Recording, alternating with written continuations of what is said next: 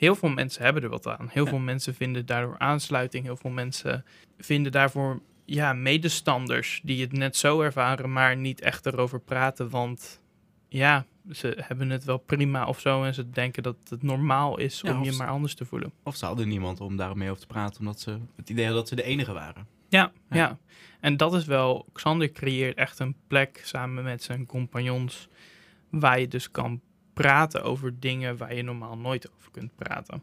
Ja.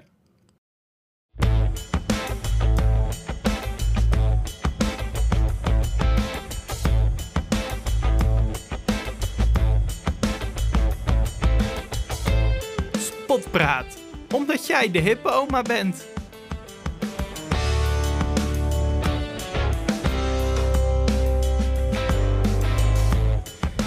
Hey hallo allemaal en welkom terug bij Spotpraat. Eh, vandaag zit ik hier weer met Jan-Peter. Ja, hallo. Hallo Jan-Peter, welkom terug. Dankjewel. Eh, ja, ik had natuurlijk al in de pilot gezegd dat Jan-Peter hier vaker zou zitten. Ik zit er weer. Hij zit er weer. Ja. Hij is niet weg te krijgen, jongens. En vandaag zit ik hier met Jan-Peter om het te hebben over, ja, weer zo'n serie sleutelfiguren. Vandaag gaan we het hebben over eh, Xander van Soelen. Hij runt Astrand hier in eh, Ede. Ja, hij runt wel eh als strand met nog twee anderen. Maar hij is wel degene die het meest in de media is gekomen de afgelopen tijd. Ja, het, ik, ik kan niet zeggen dat ik onbekend ben met Astrand. Ik eh, ben eh, een beetje biased daarin. Want Astrand, ja, het, het doet heel veel voor verschillende ja, subculturen in Ede, toch? Ik ben zelf wel eens op een feestje daar geweest. Nou, is heel gezellig, zeg maar. Maar ja, vertel eens wat meer over eh Astrand. Want behalve feestjes doen ze wel veel meer. Ja, nou dat is ook een beetje de reden voor Xander om met Astrand te beginnen. Hij begon zelf een beetje metal te luisteren, een beetje punk te luisteren op de middelbare school. En hij keek om zich heen en eigenlijk was er niemand echt met wie hij zich kon vereenzelvigen. Met wie hij het over de dingen die hij belangrijk vond te hebben. En dat was in dat geval toevallig muziek. En dat miste hij wel. En als hij dan naar andere steden ging, bijvoorbeeld Arnhem of Utrecht, dan waren daar feestjes. En dan kwam je daar mensen tegen met dezelfde interesse of muzieksmaak. En ja, hij, hij vond het wel jammer dat dat niet in Ede ook was. En dat is eigenlijk een beetje wat hij probeert te doen met, samen dus met zijn twee eh, eh, eh, partners daarin, om daar iets, iets meer van te brengen. Eigenlijk die subcultuur iets meer naar voren te schuiven. En dat kan dus over ja, een beetje metalheads kan gaan, of het kan over de hardere elektronische muziek, daar hebben ze ook wel feestjes van. Of de LGBTQ-gemeenschap, waar ze ook feestjes en dingen voor organiseren. Samen met Fierce. Dus op die manier proberen ze eigenlijk die, die, ja, die subculturen waarvoor niet zo heel veel was, wat voor te organiseren.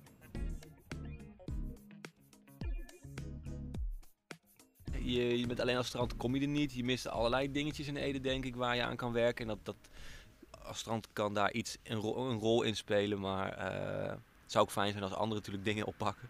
Ehm, een plek waar mensen hunzelf kunnen zijn. Maar dit we hebben het heel veel over muziek. Maar we zijn ook bezig met een vrijplaats voor eh, graffiti. Een hof, een hall of fame noem je dat eigenlijk. En de dichtstbijzijnde zit in Arnhem of eh, Nijmegen, Utrecht. Waar je gewoon gedurende de dag met je spuitbus of kwast gewoon kan verschilderen. Dat we denken van je hoeft maar eh, een scheet te laten en eh, Johan Cruijffveldjes worden voor je geplaatst in buurten. Als je daar vijf kinderen blij mee kan maken. En daar wordt aardig wat in geïnvesteerd. Maar die, die creatieve kant, die is zo vaak onderbelicht. En dat is zo vaak, oh dat is leuk voor hobby later. En eh, mensen die kijken er nog steeds naar als, alsof het een een of andere ja, soort van vrije tijdsdingetje is. Maar niet, dat je het niet serieus kan doen. En je ziet toch wel dat anno 2020 eh, hè, in mijn omgeving veel artiesten die, die met een kwast en spuitbus nu hun, eh, v- hun inkomen verdienen. En dat niet altijd eh, eh, eh, te zuinig is, zullen maar zeggen.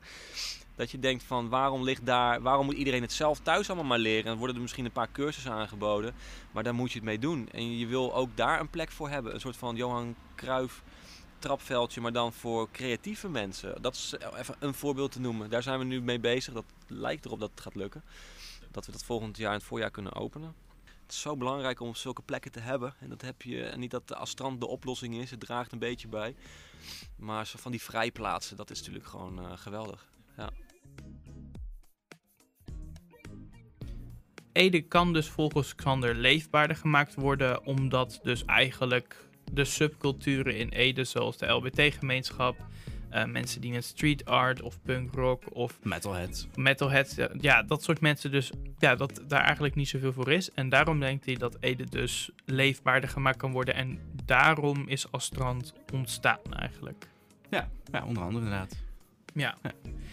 Ehm, ik vind het wel bijzonder als je je hele leven dus al eh Edenaar bent. En nou ja, je woont hier dus in een christelijke omgeving. Hoe je dan bij zoiets komt als, als trans. Hoe je dan dat alternatieve wereldje inrolt. Ja. Dus ja, hoe, hoe is Xander dat begonnen? Waar begon dat allemaal? Hoe is Xander Xander geworden? Hoe is Xander Xander geworden? Ja. Ja, Xander is een, eh, een iets wat trotse Edenaar, zoals hij dat zelf beschrijft. Hij, eh, hij vindt Ede wel mooi. Er zijn een hoop dingen, mooie dingen die hier gebeuren. En natuurlijk de omgeving. Maar hij ziet zelf ook nog wel ruimte voor verbetering.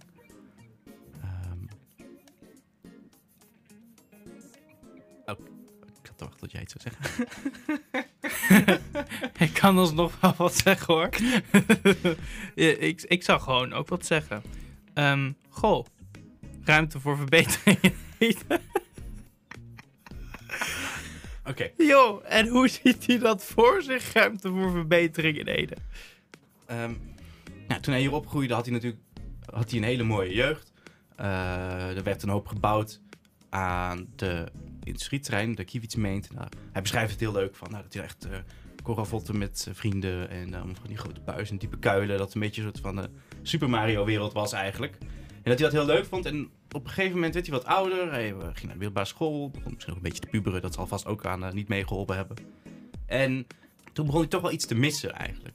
Voor, kinderen is het heel prima. En voor jongeren is, het, is er eigenlijk niks. Je kunt naar Club Famous of je kunt naar de Harvest. En dat is het eigenlijk een beetje. Hij begon dus, zoals ik net zei al, uh, met muziek luisteren op de middelbare school. Het werd een beetje alternatief. Het ging van punk naar harder. En daar zocht hij eigenlijk erkenning bij andere mensen. Daar ging hij dan voor. Buiten Ede zocht hij dat eigenlijk. En nou, dat bleef wel eigenlijk een beetje kriebelen. Terwijl hij ook uh, MBO ging doen. Hij ging uh, filiaalmanagement deed hij. En hij werkte bij, de, bij een kledingwinkel.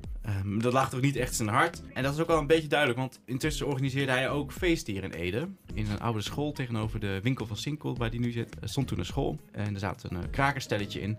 En daar organiseerde hij dan feesten met een aantal vrienden. Toen is hij gaan zingen. Of uh, misschien ook wel zingen, maar onder de douche. Maar toen is hij gaan studeren.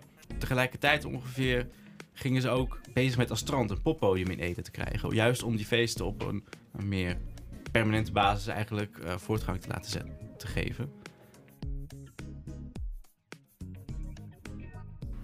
Oeh, ja, als je, als je de, een, een datum zoekt dat Astrand de naam kreeg, dan zal het formeel misschien 2017 geweest zijn. Uh, maar dat begon al in 2010. Alleen toen heette het anders. Toen was het Poppodium Ede. Gewoon een vriendenclub die iets wilde. En zelf maar feestjes ging organiseren illegaal. En dat werd wonder boven wonder gedoogd door de buurt. Dat hadden we heel goed aangepakt. Dat vind ik nog steeds best wel tof. En, uh, en politie die elke keer wel kwam. Maar zoiets had van ja, als het goed gaat en we geen klachten krijgen. Ja, hoe je geen klachten kan krijgen met het geluid dat wij produceerden. Dat, het is een wonder. Maar mensen die uh, hadden best wel veel begrippen voor.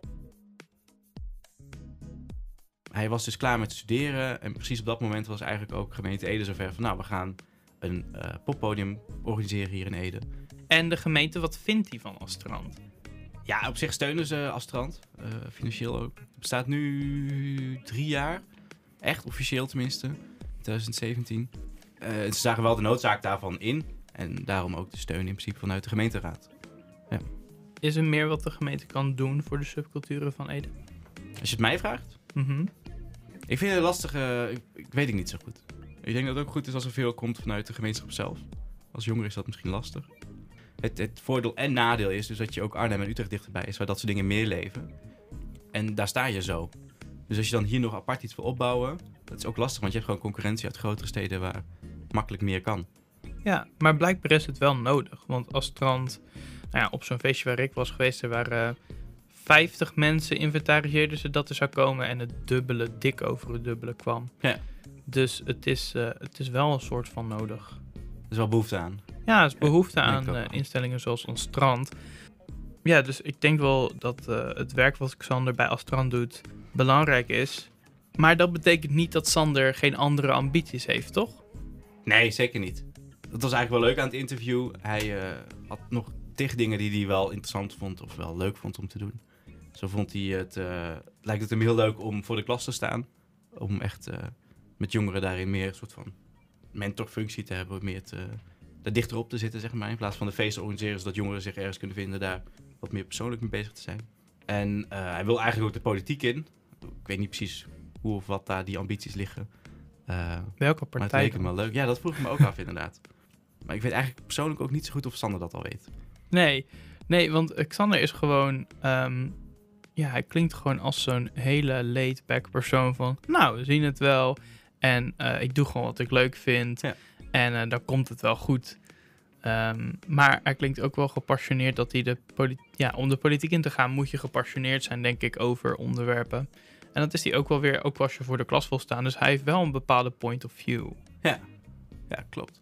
Nee, dat is ook wel leuk. Hij komt echt precies over. Een beetje zo'n chille...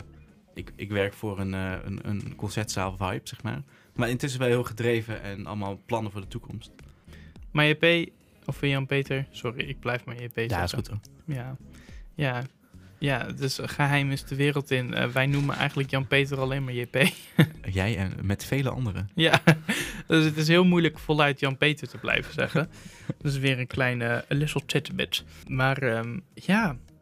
Ja, ik denk dat, eh, dat we er dan zijn. Ik denk dat we, dat we lekker gepraat hebben over Xander. En eh, dat we weer een beetje dichter zijn gekomen bij, eh, bij de, alle personen van Ede een keertje te spreken die een sleutelfiguur zijn. Xander, bedankt voor het interview. JP, bedankt dat je er weer was. Mag ik toch weer een oproepje doen? Jij mag zeker een oproepje doen. Zelfs als de vorige keer hoor. Oké, oké. Dus als je nog leuke mensen weet die iets op een kleine of grote manier betekenen voor een samenleving.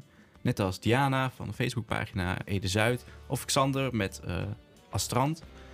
Willen jullie dan mailen naar bureau.bureauspotlight.nl? Want dan, ja, ik ken niet iedereen in Ede, maar ik hoor wel graag de verhalen van die bijzondere mensen eigenlijk.